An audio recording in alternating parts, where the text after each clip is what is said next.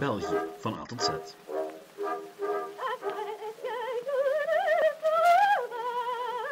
Welkom bij België van A tot Z. En welkom bij de letter J. Een letter waarvoor ik mij, ja, toegegeven, in vreemde bochten heb moeten wringen om uiteindelijk uit te komen bij de Jupiler Pro League. Jawel, onze eigenste Belgische nationale voetbalcompetitie. Nu, ik geef het eerlijk toe, dit format waarbij ik van letter naar letter fladder heeft zowel voor- als nadeel.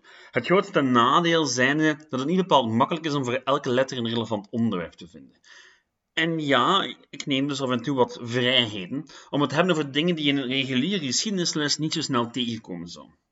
Vandaag is dat dus voetbal. En nee, u moet helemaal niks van voetbal kennen om toch iets aan een stukje audio te kunnen hebben. Want, lieve luisteraar, alles is geschiedenis. En alles heeft geschiedenis. Het is zowat mijn persoonlijke slogan, van mijn ochtendelijke koffie tot mijn nachtelijk glas bier. Alles heeft geschiedenis. En ik vind die geschiedenis ook bijna altijd boeiend. Ook al vind ik het ding aan zich misschien minder de moeite. Het spel voetbal bijvoorbeeld. Wel, het boeit u misschien niet. Wel, dat hoeft niet. Hoeft helemaal niet. Maar de geschiedenis van voetbal, en ook hier in België, wel, die geschiedenis is ronduit fascinerend. Het is niet alleen de geschiedenis van een dwaas spelletje, maar ook die van de industrialisering, van anglofilie, het ontstaan van vrije tijdsbesteding, van de verzuiling, van het kapitalisme, van zoveel meer dingen. Nu goed, wat die te maken hebben met een ronde bal, dat komt u vandaag te weten in deze aflevering van België van A tot Z. Voetbal.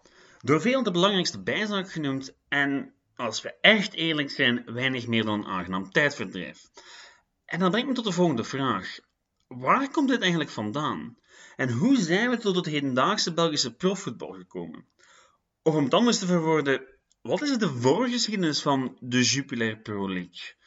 Het begint... Wel, ja, goed, dat is al meteen een moeilijke. Het doet me denken aan onze aflevering over frieten. Ehm, er zijn allerhande illustere voorgangers. Gaande van het Chinese balspel Kuju tot spelletjes met opgeblazen varkensblazen in middeleeuws Europa.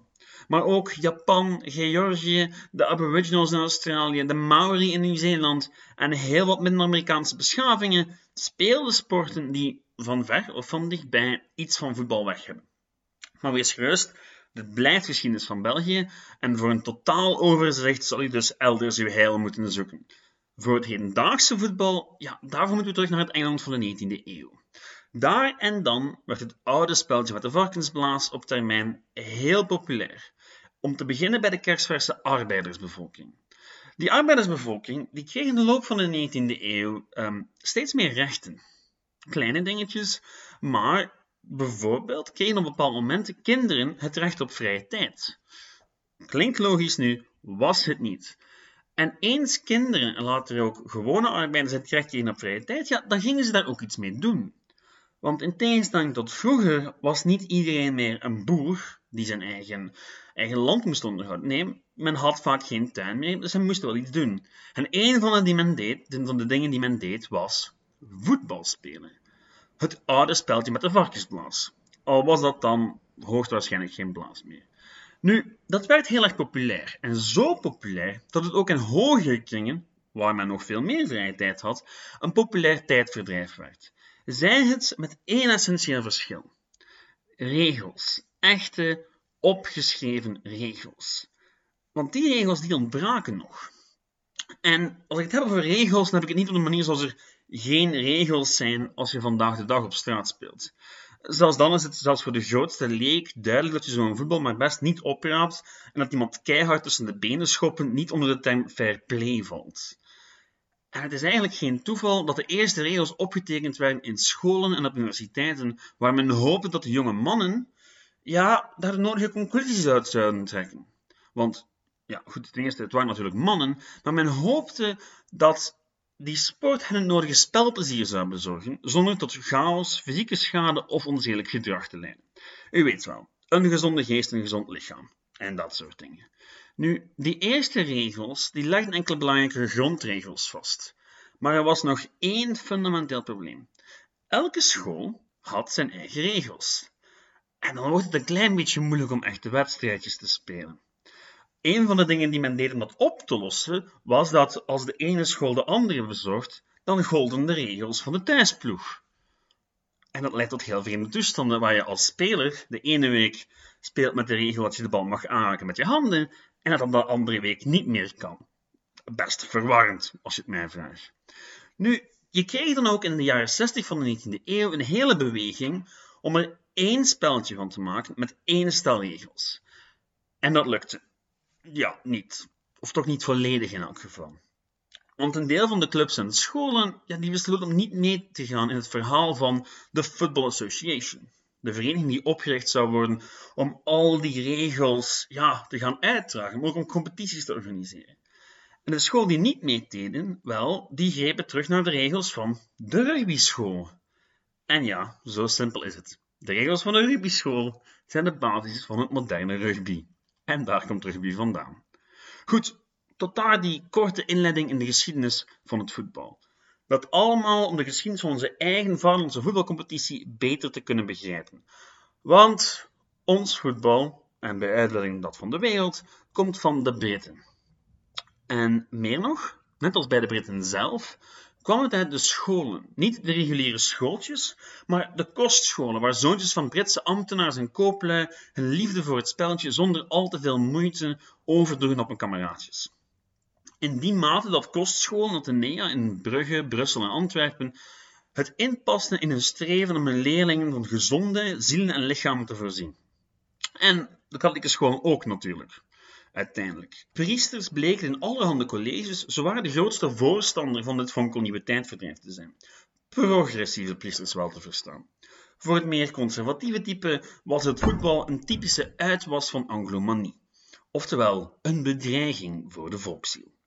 En die angst voor anglomanie, of anglofilie, het houden van wat Engels is, ja, die kwam trouwens niet zomaar uit de lucht vallen. In de tweede helft van de 19e eeuw was immers niet Nederland, maar Groot-Brittannië gidsland. In elk geval voor de heersende klasse.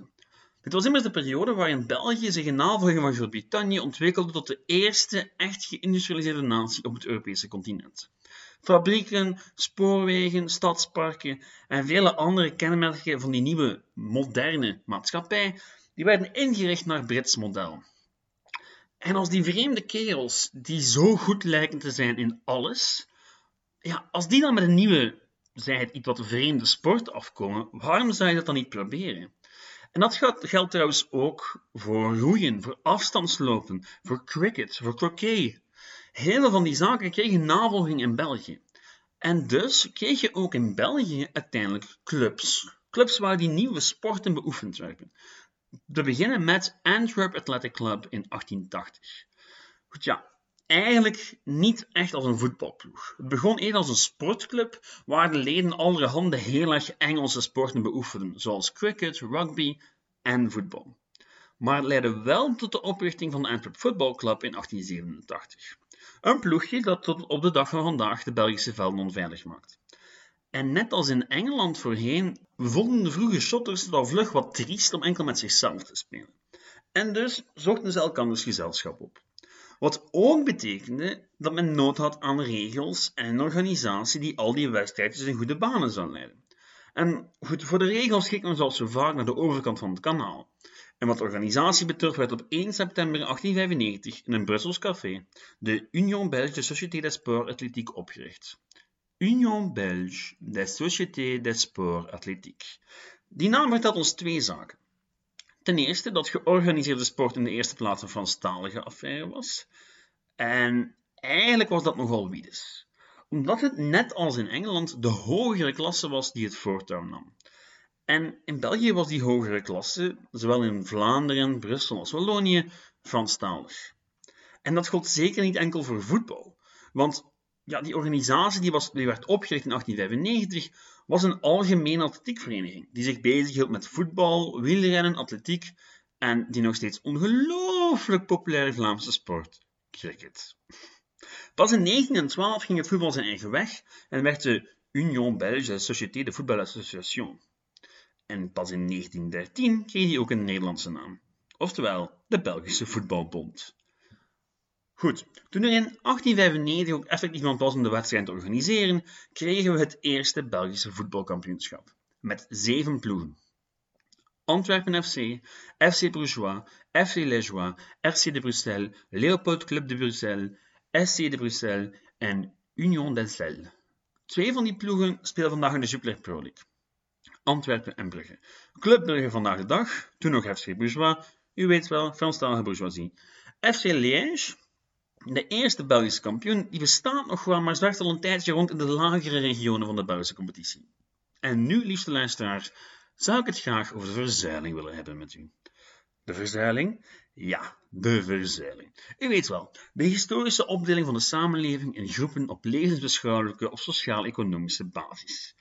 Nu een min of meer weggedemsterd fenomeen, maar vroeger alomtegenwoordig. En eigenlijk kan je de geschiedenis van België in de 19e en 20e eeuw helemaal niet begrijpen zonder de verzuiling. Want de verzuiling, die is overal. Een klein voorbeeld. Als braaf katholiek zou je geboren worden, gedoopt worden, naar een katholieke school gaan, bij een katholieke werkgever werken, met een katholieke vrouw trouwen, of katholieke man, en zou je ook al je vrije tijd doorbrengen in katholieke verenigingen. En het bepaalde eigenlijk hoe je leven eruit zag. Of toch in elk geval met wat voor mensen je omging. Ook in je vrije tijd. Dus ook als je voetbalspeler was. En dat is waarom heel wat steden meer dan één grote voetbalploeg hebben. Uh, Brugge is misschien wel het beste voorbeeld. FC Bourgeois ontstond als een relatief liberaal project. Want ja, heel wat van haar leden hadden het spelletje leren kennen aan het Koninklijk Atheneum, waar heel veel Engelse jongetjes rondliepen. Dus ja, het was wel een, een liberaal dingetje. Nu goed, er werd voetbal gespeeld op de katholieke school in Brugge, zeker wel. Maar ja, zo vlak na de schoolstrijd, de eerste schoolstrijd, zagen de broeders Saverianen hun oud-leerlingen liever niet in hetzelfde clubje spelen als de liberalen. Het resultaat noemt Cercle Brugge en bestaat vandaag de dag nog altijd. En die spelen het groen-zwart. En laat groen nu toevallig de kleur van de katholieke arbeidersbeweging zijn. En blauw, de kleur van Club Brugge, die van de liberaal. Dus ja, het had ook echt wel veel te maken met de verzuiling. Naarmate de verzuiling langzaam maar zeker uitdoofde, werden ideologische verschillen steeds minder belangrijk. Initieel in elk geval hadden de meeste clubs een specifiek soort publiek. Het is een beetje te vergelijken met de twee clubs in Glasgow, Rangers en Celtic, waar de sjaal van de ploeg die je steunt onmiddellijk ook al verraadt welke religie je aanhangt. Protestants, Glasgow, of katholiek, Celtic. En vandaag de dag blijft er zelfs in Brugge, waar de derbies initieel echte showdowns waren tussen de verschillende politieke stromingen, wel, zelfs in Brugge blijft er binnen, binnen de stad nog weinig over van de politieke lading van vroeger. Men is nog altijd boos op elkaar, alleen weet men niet goed meer waarom. Terug naar de sport. In de eerste jaren van de Vaarlandse voetbalcompetitie veranderde dat format om de haverklap. Voor wie wat bekend is met de huidige Belgische competitie, wel, dat gebeurt nog altijd. We hebben nog altijd heel veel discussie over play-offs en dergelijke meer. En eigenlijk is dat helemaal niet nieuw, integendeel. Het ene jaar werd er met zeven ploegen gespeeld, het andere met vijf of negen. En in die vroege periode kwamen en gingen de ploegen op het hoogste niveau. Veel kleinere ploegen kozen er wijselijk voor om op het lagere niveau te blijven, in plaats van heel veel geld uit te geven aan verplaatsingen. Verplaatsingen die redelijk problematisch waren in een tijd voor snelwegen en gemotoriseerd vervoer. Van het ontstaan van de competitie in 1895 tot de Eerste Wereldoorlog werd er duchtig geëxperimenteerd. Um, en goed, ja, van 1898 tot 1900 waren er twee competities en speelden de winnaars tegen elkaar om de titel. Om daarna terug te gaan naar één competitie in 1901 en het seizoen erop weer naar twee competities te gaan met de finale ronde tussen de top 2 van elke competitie. Eigenlijk play-offs. In de jaren die volgden werd het degradatie- en promotiesysteem ingevoerd, met een eerste en een tweede klasse en later kwam er nog een derde bij enzovoort. In de loop der jaren zou het aantal ploegen ook gewoon blijven stijgen. Die eerste 20 jaar van de nationale competitie die werden beheerst door Brusselse ploegen, die vooral concurrentie kregen van FC Liège in Wallonië en Cercle Brugge in Vlaanderen. En toen kwam de oorlog. De Eerste Wereldoorlog, om precies te zijn. Onder de Duitse bezetters stopte de reguliere competitie en het duurde tot 1919 tot er weer een competitiematch gespeeld werd. Wat niet betekende wel dat Belgische profvoetballers niet aan de bak konden. Alleen niet in België. De meeste profvoetballers vormden de kern van de vele legerploegen die in onderlinge competities aan de slag gingen. Er was zelfs een Belgische nationale legerploeg die tegen Engelse profclubs als Aston Villa en Manchester United speelde. Een van de grote gevolgen van die legerploegjes was dat daar, en vaak voor het eerst, zowel spelers van de traditionele bourgeoisie als mannen met iets bescheidener afkomst samen speelden. En dat zou zich gaan doorzetten in de jaren na de oorlog. In diezelfde periode braken ook enkele nieuwe ploegen door, die tot op de dag van vandaag in de hoogste regionen van de Belgische competitie vertoeven. Denk aan Standard Liège, Mechelen en Anderlecht. Toen in 1940 Duitse troepen nog maar eens het Belgische grondgebied binnenvielen, werd de competitie opnieuw opgeschorst. Maar deze keer niet voor de volledige duur van de oorlog. Het grote verschil zijn natuurlijk dat er na 1940 tot het einde van de oorlog nog amper gevochten werd in continentaal Europa. En dat wat sportief leedvermaak dus geen kwaad kon in de ogen van de bezetter. Al was het maar om de massa's te kunnen voorzien van nodige brood en spelen. Het seizoen 44-45 werd wel weer opgeschorst, maar eens bevrijd ging het seizoen 45-46 gewoon van start.